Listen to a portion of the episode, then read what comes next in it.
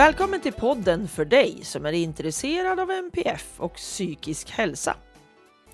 Avsnittets gäst, eller gäster, är Jenny Linde och Anneli Karlsson som skrivit boken När samhället är förälder, stöd och pedagogik i arbetet med placerade barn. Mycket viktig bok. Det är många fallbeskrivningar som ger en tydlig bild av svårigheterna och massor av tips för att vara en trygg och stabil vuxen för dessa barn. En mycket viktig bok. Ann-Katrin Noreliusson heter jag som driver den här podden. Jag hjälper anhöriga som har OCD i familjen att hitta ett mer hållbart familjeliv. Och vill du känna dig som en trygg och säker anhörig trots OCD och tvång i familjen? Då ska du söka upp familjebalans.se. Lämna namn och mejl så kommer information om OCD-hjälpen för anhöriga. Men nu kör vi igång avsnittet.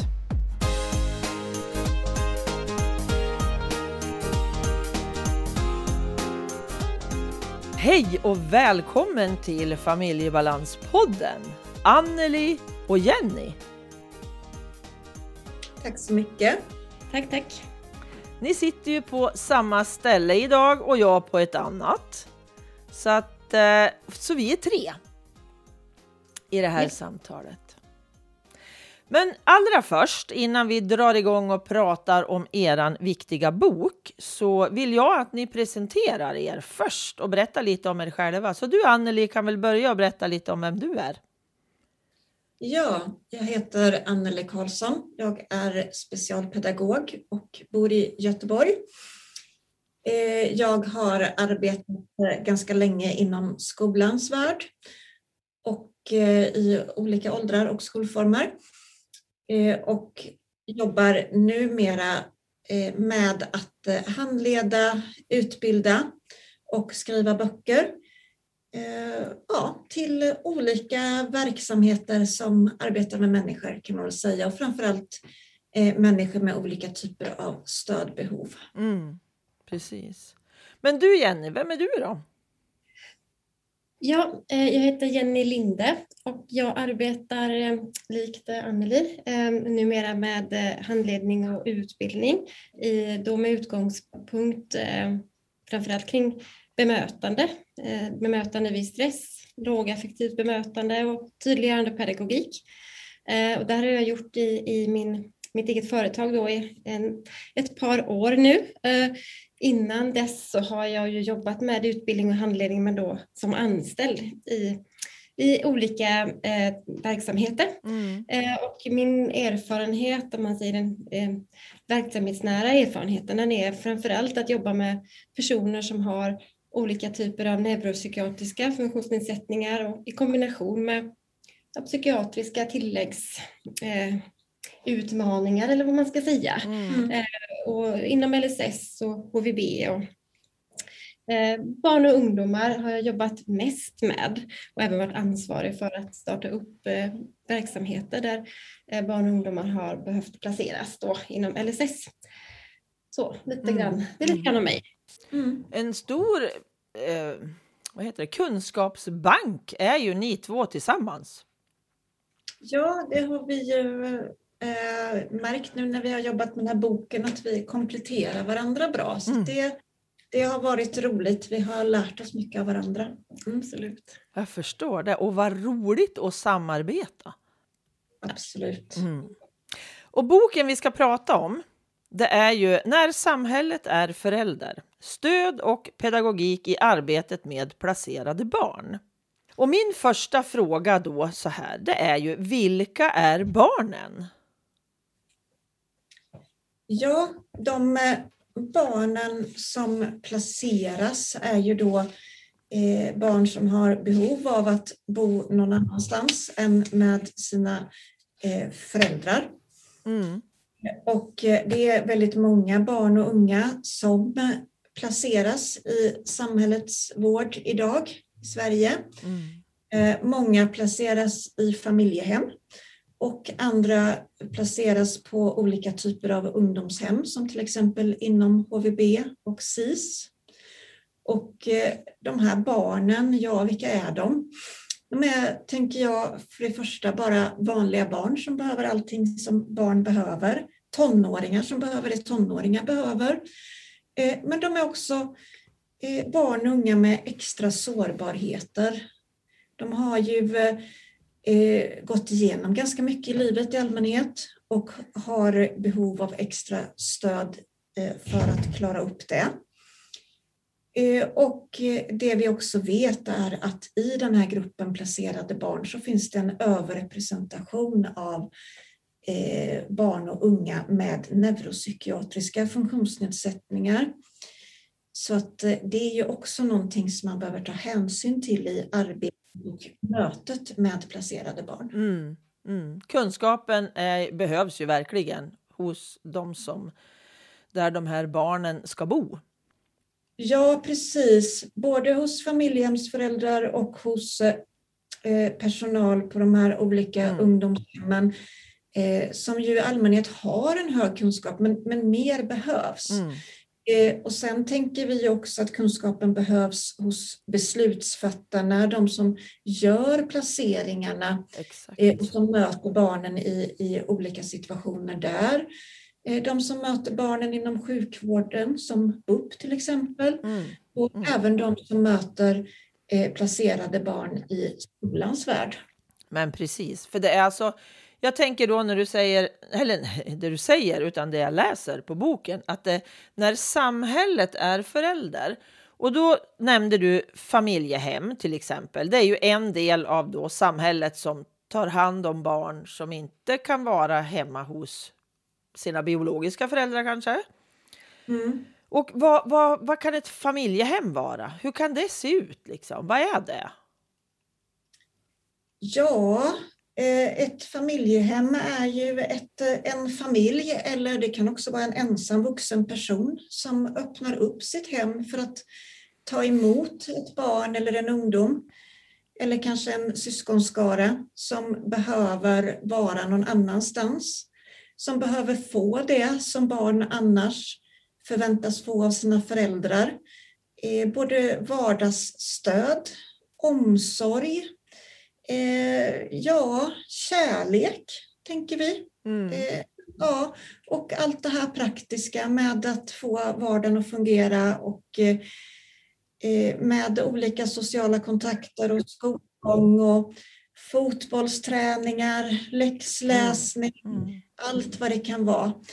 Eh, och man får också ofta ett eh, eh, slags extra uppdrag i att man ska Eh, i samråd med socialtjänsten och i samverkan med dem hantera eh, barnets umgänge med föräldrarna som då har förlorat vårdnaden. Mm. Mm. Och jag tänker familjehem, det kan inte kanske vem som helst bli, men den som skulle vilja göra något extra för barn i den här situationen, tänker jag. Och så får man väl utredas, antar jag. Ja, precis. Man går ju igenom en noggrann utredning och eh, det finns ett stort behov av familjehem idag så att det är väldigt fint om det är fler som vill ställa upp. Och jag tänker det finns ju också andra mellanting. Jag vet till exempel eh, ett antal familjer som är det som man kallar för kontaktfamilj, då man tar emot ett barn eller en ungdom eller kanske några syskon en helg i månaden eller varannan mm. helg och mm. lite på lov och så, då man Eh, kan vara en, ett annat ställe som barnen får komma till när de behöver något lite extra och få, eh, ja, få, få kärlek och trygghet och uppmärksamhet. Det kan ju till exempel vara att det är eh, en ensamstående förälder som behöver avlastning. Mm. Mm. Lite, lite mormor, morfar, farmor, farfar stand-in kanske också, tänker jag. jag Ja, absolut. Det behövs någon, kanske i en annan generation, som skulle kunna finnas för de här barnen ibland. Ja, jag tänker att det finns eh, väldigt stora behov och det är en väldigt stor efterfrågan. Mm. Mm, så att, mm. är man intresserad tycker jag att man ska höra av sig till sin kommun. Det ja. finns ju hur många som helst som har behov. Ja. Och det svårt att hitta. Eh, sen som du säger så går man naturligtvis igenom en omfattande utredning mm. för att det är ju jätteviktigt att man har koll på mm. eh, vilka de här personerna är som blir så viktiga vuxna i barnets liv. Mm. Ja men exakt. Och jag tänker familjehem då, är det gamla uttrycket fosterhem? Ja, det tycker jag att man kan säga. Ja. Enkelt uttryckt, ja. ja mm. Så att man förstår. För jag har ju inte varit inne i den delen av samhällsstöd. Så att jag är ganska okunnig själv. Så det här var jätteintressant att få lära sig tycker jag. Och sen nämnde du eh, uttrycket SIS. Vad står det för? Och SIS är ju en, en förkortning för Statens institutionsstyrelse. Och eh, eh, det är ju ungefär tusen barn eh, som årligen har, har en placering på SIS. Då. Och där placeras man ju eh, oftast då på eh, ett LVU-beslut, men eh, man kan också, eh, det finns en liten andel som placeras på ett sol, solbeslut. Mm. Eh, och sen har vi ju också, en, också en liten andel av ungdomar som placeras på SIS utifrån att de är dömda till ungdomsvård och då har man placerat på något som heter LSU. Eh, och SIS finns ju också för vuxna och då är det ju vuxna personer som placeras ut på LVM, alltså som har missbruks, behov av missbruksbehandling och missbruksvård. Då. Alltså gud vad mycket förkortningar det är alltså. Ja visst, visst. Ja precis, man kan väl säga eh, LVU, lagen av vård och un, eh, lagen om vård av unga. Ja. Eh, och där kan ju vara att man behöver eh, eh det utifrån sin egen situation, att man är eh, Ja, att man kanske till exempel har stora svårigheter med att ta hand om sig själv och att familjen inte klarar detta heller, att man är på väg in i stora svårigheter i livet. Mm. Och då menar jag saker som eh, inte är medfödda utan eh, till exempel att man eh, har hamnat fel i eh, olika val man har gjort som ung person. Eh, SOL är ju socialtjänstlagen mm. och en del placeras då utifrån den också. Och det, eh, det också beror på olika saker. Man kan ju också placeras för att man behöver liksom skyddas från andra personer så händer också. Hur då andra kan, menar du? Hur då? Ja, att man eh, kanske är eh, att man har var, haft en situation i sitt hem där okay. det har eh, förekommit till exempel eh, misshandel i hemmet. Mm. Så, så är det för en del av våra barn och unga. Eh, men de allra flesta barn och unga som placeras placeras ju ändra i familjehem eller på HVB som då är hem för vård och boende. Eh, och eh, många av de som kommer till SIS är ju så då har man kanske provat en annan placering innan. Okej. Okay. okay. Mm. Men alltså den här SIS, SIS heter det va? Är det långt eller kort man bor där? Är det olika eller är det liksom ett, en kort period och sen ska jag vidare liksom till något annat? Eller hur, hur funkar det? Så intentionen är ju att det ska vara en kort placering eftersom den är så, eh, den är ju, vad ska man säga, den, är, den innebär ganska stora inskränkningar mm. i barnen och ungdomarnas, ungdomarnas liv. Mm. Den är reglerad kan man väl säga. Eh, inte alltid, men många gånger så har man ju begränsad möjlighet till, till den här naturliga friheten. Såklart man, är, man, är, eh, man är, befinner sig på låsta avdelningar till exempel, även om mm. det finns avdelningar som då också är lite mer öppna. Eh, och det finns ju andra typer av befogenheter inom SIS som gör att man eh, inte har den här självklara eh, tillgången till kanske telefon och sociala medier och sådana saker. Så intentionen är alltid att det ska vara korta placeringar. Men i praktiken så ser det ju tyvärr inte ut så. Nej. Det, det kan till och med vara så att man eh, liksom flyttas runt från, mellan olika institutioner i väldigt, väldigt många år. Då. Mm. Eh, och, eh, en av anledningarna till att vi också och ville skriva den här boken är ju att när, när, man tittar på vilka barn det då är som har liksom, tycks ha svårare att liksom, eh, komma ifrån den här typen av placeringar, eller vad man ska säga, att, att liksom kunna lämna det här mer begränsade, låsta eh, mm. behandlingsmiljön, så är ju det en överrepresentation eh, av, kring just barn och unga med eh, neuropsykiatriska funktionsnedsättningar. Mm. Mm. ADHD är ju en gigantisk överrepresentation, men också autism och intellektuell funktionsnedsättning. Mm. Eh, när det gäller flickor så är det ju i stort sett inte alltid, men väldigt, väldigt stor andel av flickorna som placeras har ju autism och eh, intellektuell funktionsnedsättning eller också då i kombination med ADHD. Mm. Trauman, att inte, de får vi ju heller inte glömma att de barnen som har eh, en, en ryggsäck full med Eh, tidigare placeringar där man, de, och upplevda misslyckanden då, när man inte har kunnat bo kvar av olika anledningar till exempel. De har ju också ett trauma kopplat till det här, att känna sig övergiven, ja. att känna att man inte eh, att man är extra svår eller ja. att man känner att ingen, ingen pallar med mig och så. Eh, och eh, har man inte då innan eh, själva placerings Eh, kedjan drar igång med trauma så får man ju det i alla fall under resans gång. Det ja. behöver vi liksom förhålla oss till. Ja. Eh, sen så ser man också att det, placeringsorsaken eh, tyvärr många gånger är kopplat till att man varit utsatt både för våld i, i hemmet och i nära relationer men också utsatts för sexuella eh, övergrepp och sådana här saker. Så det, det, finns, det är tunga, tunga bagage som de här barnen och ungdomarna bär med sig många gånger.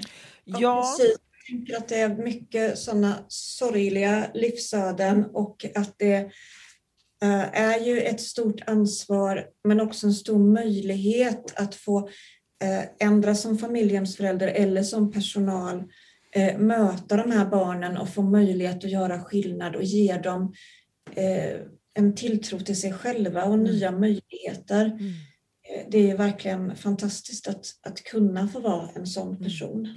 Precis, att få ge en annan människa ett värdigt liv, tänker jag. Ja. Det är liksom mycket där det handlar om, tänker jag. Att vi måste få möjlighet att få leva ett värdigt liv som där jag inte blir då slagen eller ja, alla tycker jag är bara allmänt jädra jobbig. Yeah. Utan att jag ska få tillgång till mina bra saker. Och inte yeah. alltid bedömas för allt dåligt jag har gjort, tänker jag.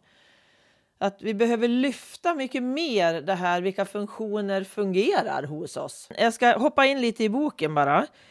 Jag läste ett, jag, gillar era fallbeskrivningar. Jag tycker det blir så jättetydligt för mig då som inte är särskilt insatt i det här heller och inte har alla de här problemen hos, hos mina närstående som det finns i den här boken. Och just den här fallbeskrivningen med Elsie, hon som självskadar. Och eh, när hon då pratar med, med sin eh, kontaktperson är det väl, där yeah, hon får yeah. tips om att inte skära sig utan använda gummiband eller isbitar. Yeah. För att lindra den här smärtan inuti. Och jag tänker att för, först så blir, reagerar jag så här, Mäh! men alltså hon ska väl sluta helt i min hjärna då på en gång så här. Och sen tänkte jag ju där, ja men alltså vad häftigt att få då av den personen som ska hjälpa mig, alltså en strategi att göra det här, alltså övergångsmässigt tänker jag, till ett bättre mående. Att göra det på ett sätt som inte gör skadan för evigt som det är med väldigt många som självskadar sig med att skära och rispa armar och ben. Men, yeah. men att göra det på det här sättet. Så min, min nästa tanke var ju att så himla smart. Och vilket bra, en enkel liten kort text på inte särskilt många meningar fick mig att vända helt i mitt tänk. Det gillar jag. Ja men vad fint, fint att höra och det är, det är ju just den typen av reflektioner som vi hoppas att de här fallbeskrivningarna ska kunna bidra med. Och, och visst är det så eh, och att just självskada det, det väcker ju så mm. starka känslor hos oss mm. Eh, som omgivning.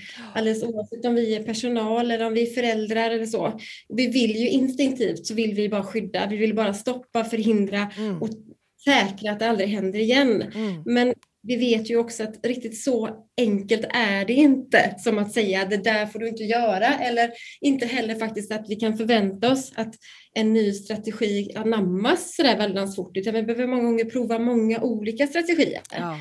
Det viktigaste som, som vi ser är ju att man, att man dels att man kan klara av att rusta upp sig som omgivning, som personal eller förälder då, så att man inte själv går in i ångesten på något vis. Det här är ju mm. tuffa och svåra grejer. Va? Mm. Men det är viktigt att man kan smitta med det där lugnet mm. och att heller inte tippa över i att det, så att det upplevs av ungdomen, då är det som i det här fallet med Elise, att det upplevs som att det förstärker skammen eller känslan av något som, som drar igång känslan skam. Mm. Så att man, man på något vis eh, försöker hitta liksom, en lite lugnare, coolare sätt att prata om det och mm. också inge hopp.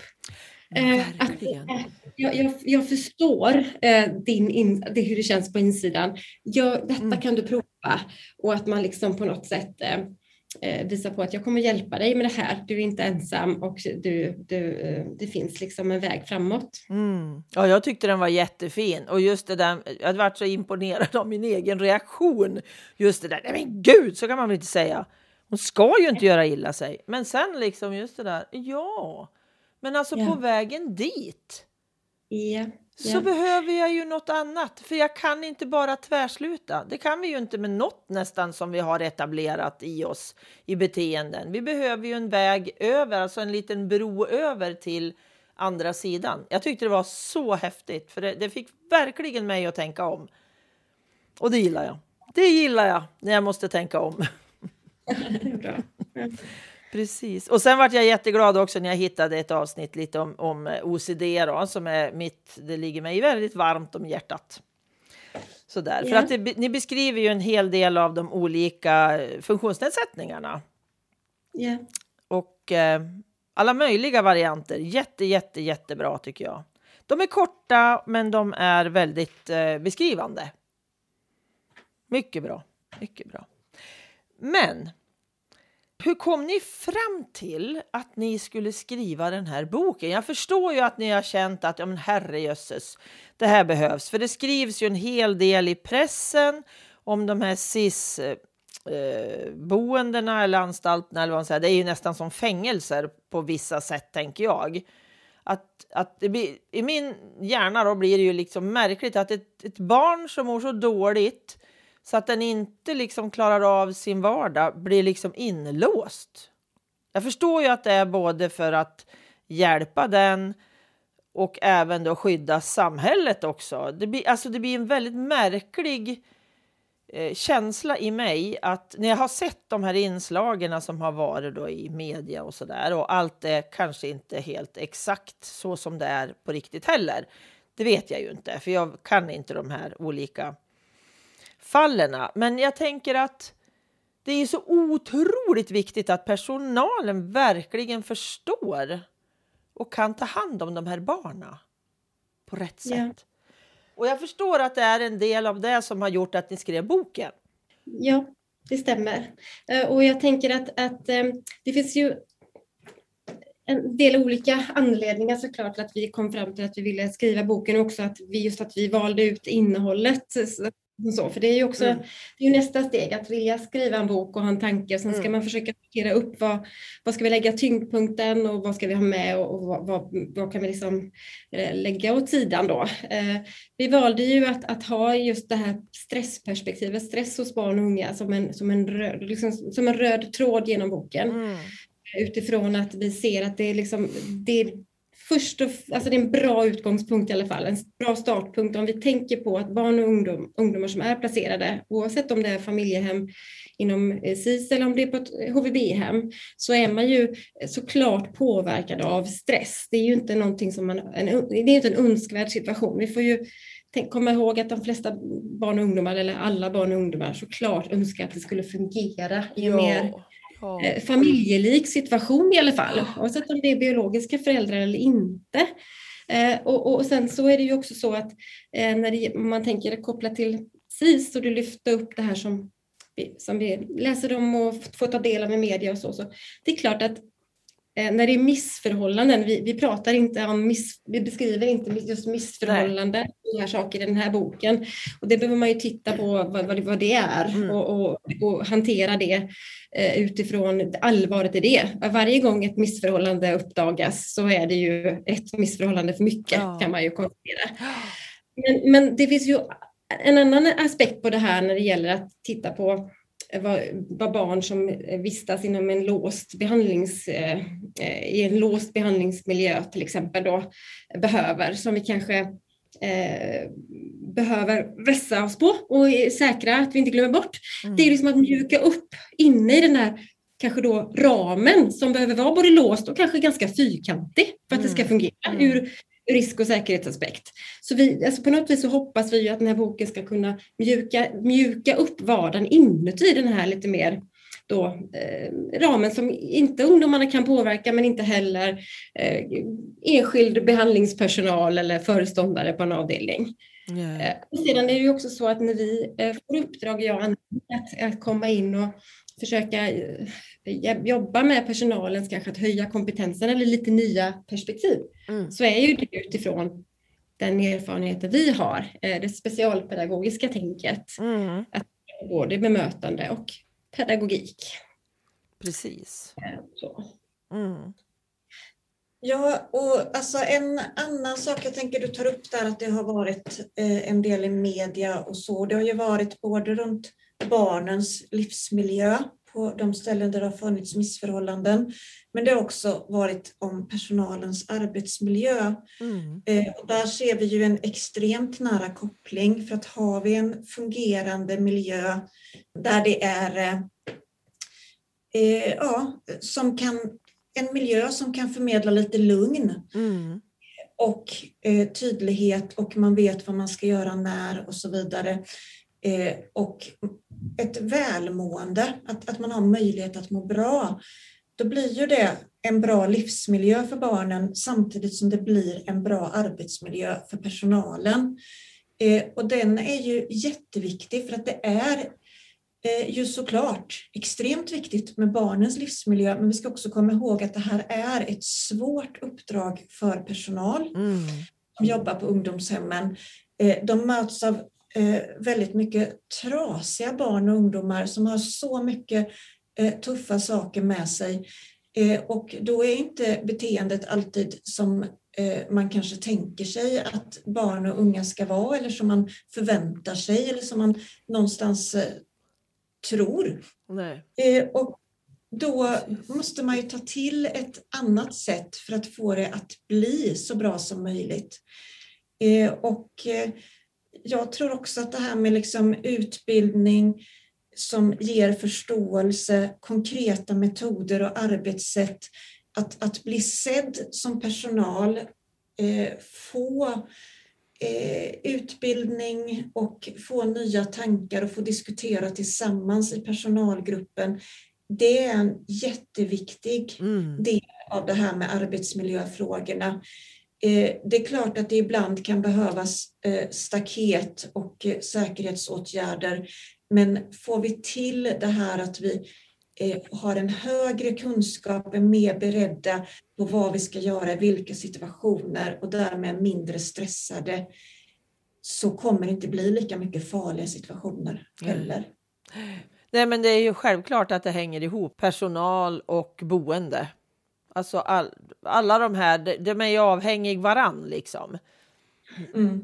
Hur måendet blir. Mm. Och jag tänker vidare lite i boken. Ni har ett uttryck som heter PERMA. Mm. En metod för att öka välmåendet. Mm. Kan ni berätta lite om PERMA? För det tyckte jag lät så himlans bra. Ja, det är en jättehärlig metod faktiskt. För det man gör när man jobbar med PERMA, det är att man jobbar just med att få till ett välmående. Så man jobbar med olika faktorer som får den personen som man arbetar runt att må bättre eh, och få nya möjligheter. Och när man gör det så blir det också så härligt för alla som jobbar runt den här personen för att det eh, man får ju vara med om utveckling, man får vara med och känna att någon mår bättre. Man får vara med och känna att någon kanske skrattar stöttar. Mm. Man, man jobbar med att stärka allt det här som fungerar. Mm. Eh, och eh, det brukar bli ett sånt bra sätt att mötas också i en personalgrupp. Att man får jobba med de här olika bitarna i PERMA. Eh, ja, du kanske vill berätta lite om bitarna, Jenny? Ja, eh, det gör jag gärna. Och jag tänker också just det här med att öka välmåendet. Eh, det är ju någonting som vi, alltså på något sätt så behöver man ju tänka då att eh, eh, att, att det också på något sätt inte ska vara någonting som är vad ska man säga, eh, någonting som man får tillgång till ibland Nej. eller någonting som vi ar arbetar med och lägger in som liksom, eh, på helgerna bara eller om du, eller i värsta fall då kanske att du skulle råka tänka att, att det här, du, kan få, du kan få tillgång till aktiviteter eller eh, situationer där du kan liksom eh, uppleva det här välmåendet om du gör vissa saker. Så vi villkorar inte det här med precis. med möjligheten till välmående.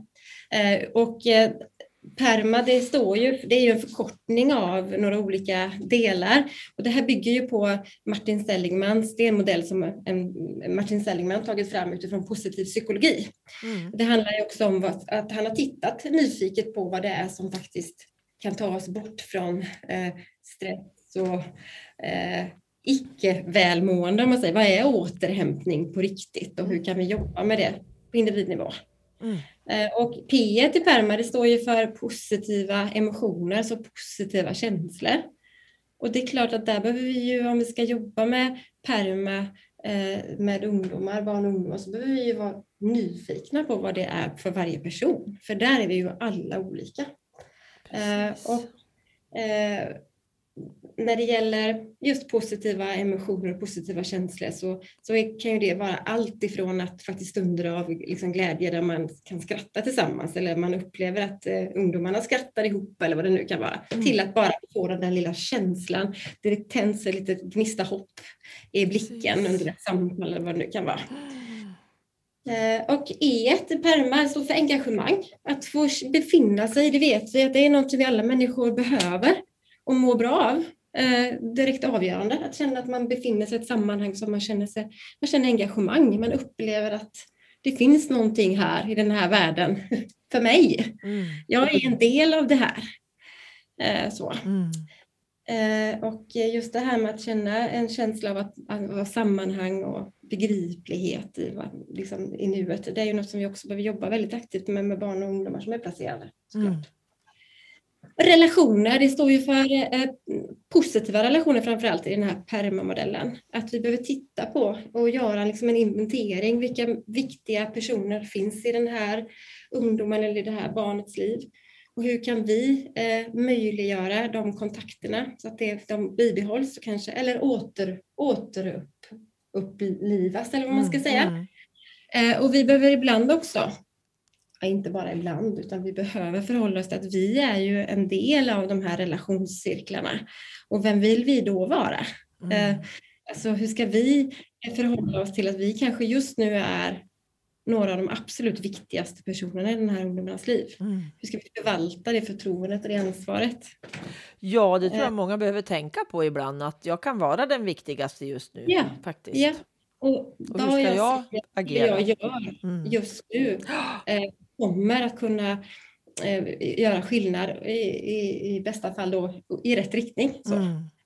Eh, och M i PERMA står för mening. Mening i livet och det gillar ju både jag och Anneli jätteskarpt. Har vi pratat, kommit tillbaka mycket till just att eh, mening med livet, det kanske är det som vi ibland eh, tänker rent filosofiskt så är det en häftig och svindlande tanke men det är svårt att göra något konkret av det i Mm. vår upplevelse. Men mening i livet, meningen nu. Ja. Alltså, what's in it for me? Varför ska jag gå bra? Varför ska jag göra det här? Mm. Så. Det är ju det som man pratar om i den här modellen och här blir ju jätteintressanta samtal när vi faktiskt bryter ner det här till, på, till, liksom att ha ett samtal med ungdomarna. För där kan vi inse att vi har helt olika uppfattning om vad som är viktigt just nu. Absolut. En del saker som vi vuxna tycker är viktigt är ju rent ut sagt världsligt när man är 15 år. Mm. Så. Och alldeles för stort ofta, Ja, tänker ja. jag. Mm. Eh, och sista då A, det står för att uppnå någonting. Känslan av att man faktiskt eh, når i mål med vissa saker då. Och då ska det ju vara eh, alltså saker som man själv upplever som är meningsfullt. Vad, är, vad innebär det att, uppleva, att uppnå någonting för mig? Mm. Och då behöver vi alltså rikta blicken bort från behandlingsplaner och sådana här saker, utan vad är viktigt för just dig och dig och dig? Mm. Och när känner du, ja, där fick, fick jag till det, det här blev bra, det vill jag göra.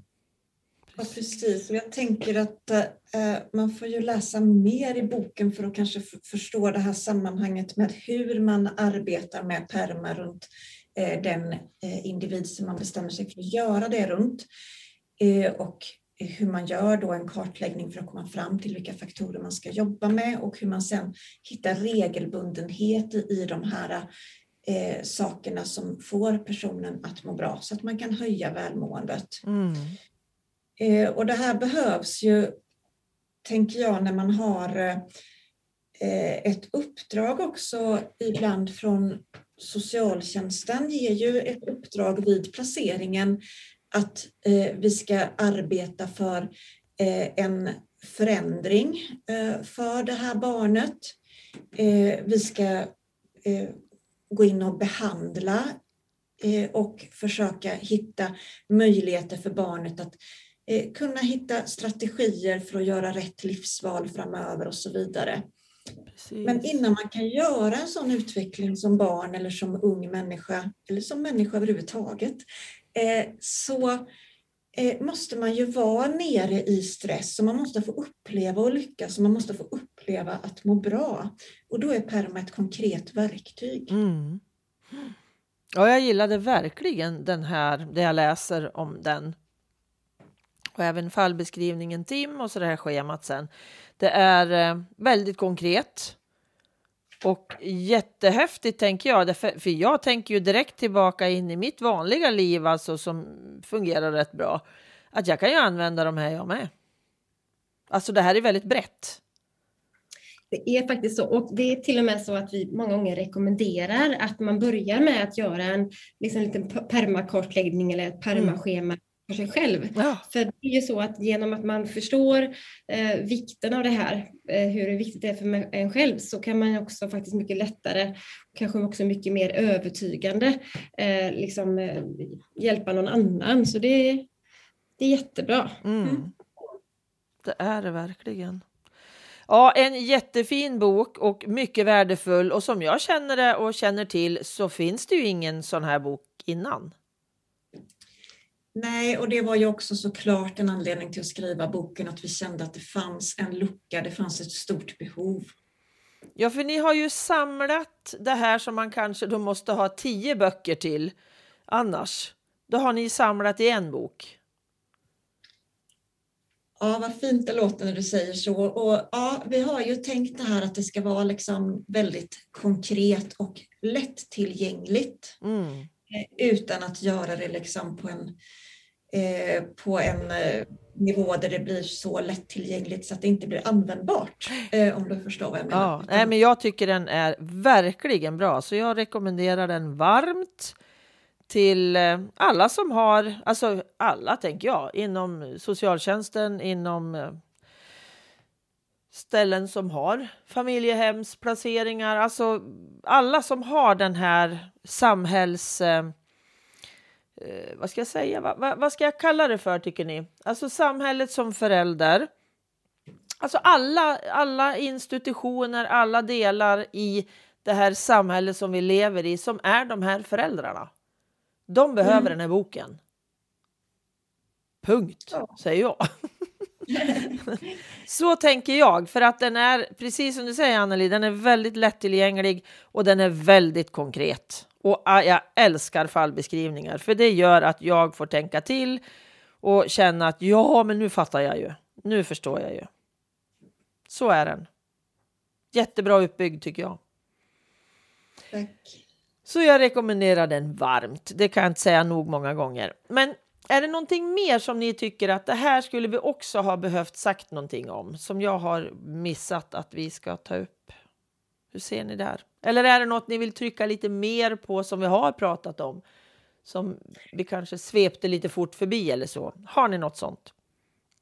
Alltså jag skulle, alltså, vi, alltså på något sätt så, vi skulle kunna prata länge om den här boken mm. så såklart. Den ligger oss varmt om hjärtat och den är ganska nyss liksom kommit, kommit i tryck ju. Så att, mm. Men det som jag tänker på eh, spontant som vi kanske ska, bara skulle vilja säga några ord om det är just det här som vi ibland får, har fått frågan och det är ju innan boken liksom ens kom, kom liksom i, i åtanke. Men det är just det här med det perspektivet som jag och Anneli liksom kommer in med när vi jobbar på eh, eh, konsultuppdrag till exempel. In, eh, och det är ju det här med tydliggörande pedagogik och, och, och kanske då det här anpassade bemötandet där vi liksom verkligen intar liksom, eh, kanske ett perspektiv där vi tänker att jag ska, jag ska verkligen ta det där ansvaret just nu i stunden och inte verka upp, ver, ver, göra någonting som trappar upp den här situationen så att det leder till en kraftigare konflikt eller så vidare.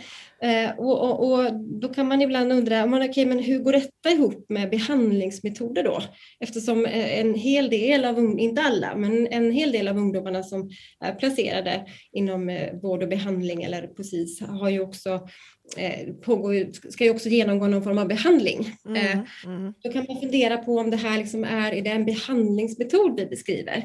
Och det svaret är nej, det är ingen behandlingsmetod. Det är ju, det är ju metod, en, en pedagogisk metod kan man säga, som, som beskriver hur man kan möjliggöra eh, snarare, hur vi kan mm. möjliggöra och öka förutsättningarna för att behandlingen ska Eh, ska, ska bli så lyckosam som möjligt. Mm. Eh, och, och, det är klart att om vi, om vi får en ökad förståelse för hur en person som har autism till exempel eh, kan snubbla på en sån sak som kommunikation, alltså att missuppfatta eller att känna sig missförstådd. Mm. Eh, förstår vi detta och, och liksom addera lite tydliggörande pedagogik, lite kommunikationsstöd eller så, så kommer ju det här bara att det är ett komplement helt enkelt. Ja, ja. Så det, det, är väl något som vi tycker är viktigt att skicka med, att det är vare sig eh, eh, ett, är ett, är liksom en konkurrens till andra behandlingsmetoder men inte heller liksom på något sätt Eh, utmanar eller äventyrar andra lyckosamma metoder. Utan... Nej, precis, utan möjliggör. Jag skulle också vilja eh, skicka med några tankar runt det här med barnkonventionen som har blivit svensk lag nu. Eh, för vi har ju haft den i åtanke och återkommer till den också i boken. Och att barnkonventionen gör ju det här att vi kan inte, vi kan inte riktigt välja på vissa saker heller, utan man måste eh, tänka på ett annat sätt. Man måste tänka på barnens rättigheter. Mm. Och eh, det gör också att det finns eh, ett uppdrag att förändra eh, vissa saker nu och att också även i välfungerande verksamheter och så ta en extra titt på det här. Hur, hur gör vi? Hur, hur säkrar vi det här mm. med barnkonventionen, att det följs? Eh, och eh, vi har fått en hel del feedback på vårt första kapitel som heter Etiken i praktiken, där vi kopplar ihop det här med eh, etik, etiskt tänkande som ibland kan vara lite tungt teoretiskt men att vi för fram det på ett sätt där så att man förstår hur det kan tillämpas ute i den praktiska vardagen. Precis, det är där ni har lagt in goda cirkeln och onda cirkeln. Precis. Mm. Exakt. Jätteviktigt. Ja, och jag tänker att det som jag också tänker på, det är också kopplat till att du lyfter upp det här med barnkonventionen och det perspektivet, att vi har valt att ha det med som en att återkoppla till under hela boken, det är ju att vi också såklart, vi, vi, vi har ju vi har ju, precis som Anneli säger, det tycker jag är väldigt bra, att vi kan ju faktiskt inte vi kan inte välja många saker som vi inte kan välja, utan vi bara behöver se till att få till ett bra hur. Ja. Hur gör vi det här på ett sätt så att det blir så där bra för barnen som, som vi faktiskt nu, i, till och med lagen säger att vi är skyldiga ja. att, att göra de här sakerna. Och det som vi då också vill lyfta fram och utifrån det är ju det här som barn, de allra flesta barn och ungdomar faktiskt försöker förmedla. Ibland säger rakt ut till oss. Jag önskar bara så att ni kunde lyssna på mig. Jag önskar att någon lyssnar. Eh, och det är på något sätt det som vi hoppas att vi kan hjälpa de här barnen och ungdomarna med. Att vi hjälper till så att, det, att, att, liksom, att de ska få känna att men vi lyssnar på er. Vi, mm. vi, vi, vi, vi måste och vi vill lyssna på hur ni upplever er situation och vad ni faktiskt behöver. Mm. Ja, precis. Och jag tänker att genom att lyssna på barnen och visa att vi försöker att förstå. Det är inte alltid som vi förstår, men vi försöker att förstå och vi lyssnar. Det är då vi blir en sån där som gör skillnad. Mm. Vilket bra avslut. Den får sjunka in, tänker jag. Tack snälla Anneli och Jenny. Tack själv. tusen tack. För, tusen att, tack. för att ni ville vara med. Och tack så mycket. Tack, tack. Tack. Tack för att du lyssnat. Tack till Pelle Zetterberg för musiken, till Pernilla Wahlman som fotade mig, till Marcus som fixade poddloggan och till Anders för att du redigerar mitt prat. Vill du skriva en recension på Familjebalanspoddens Facebook-sida? Då skulle jag bli jätteglad. Hej då och hoppas vi hörs igen!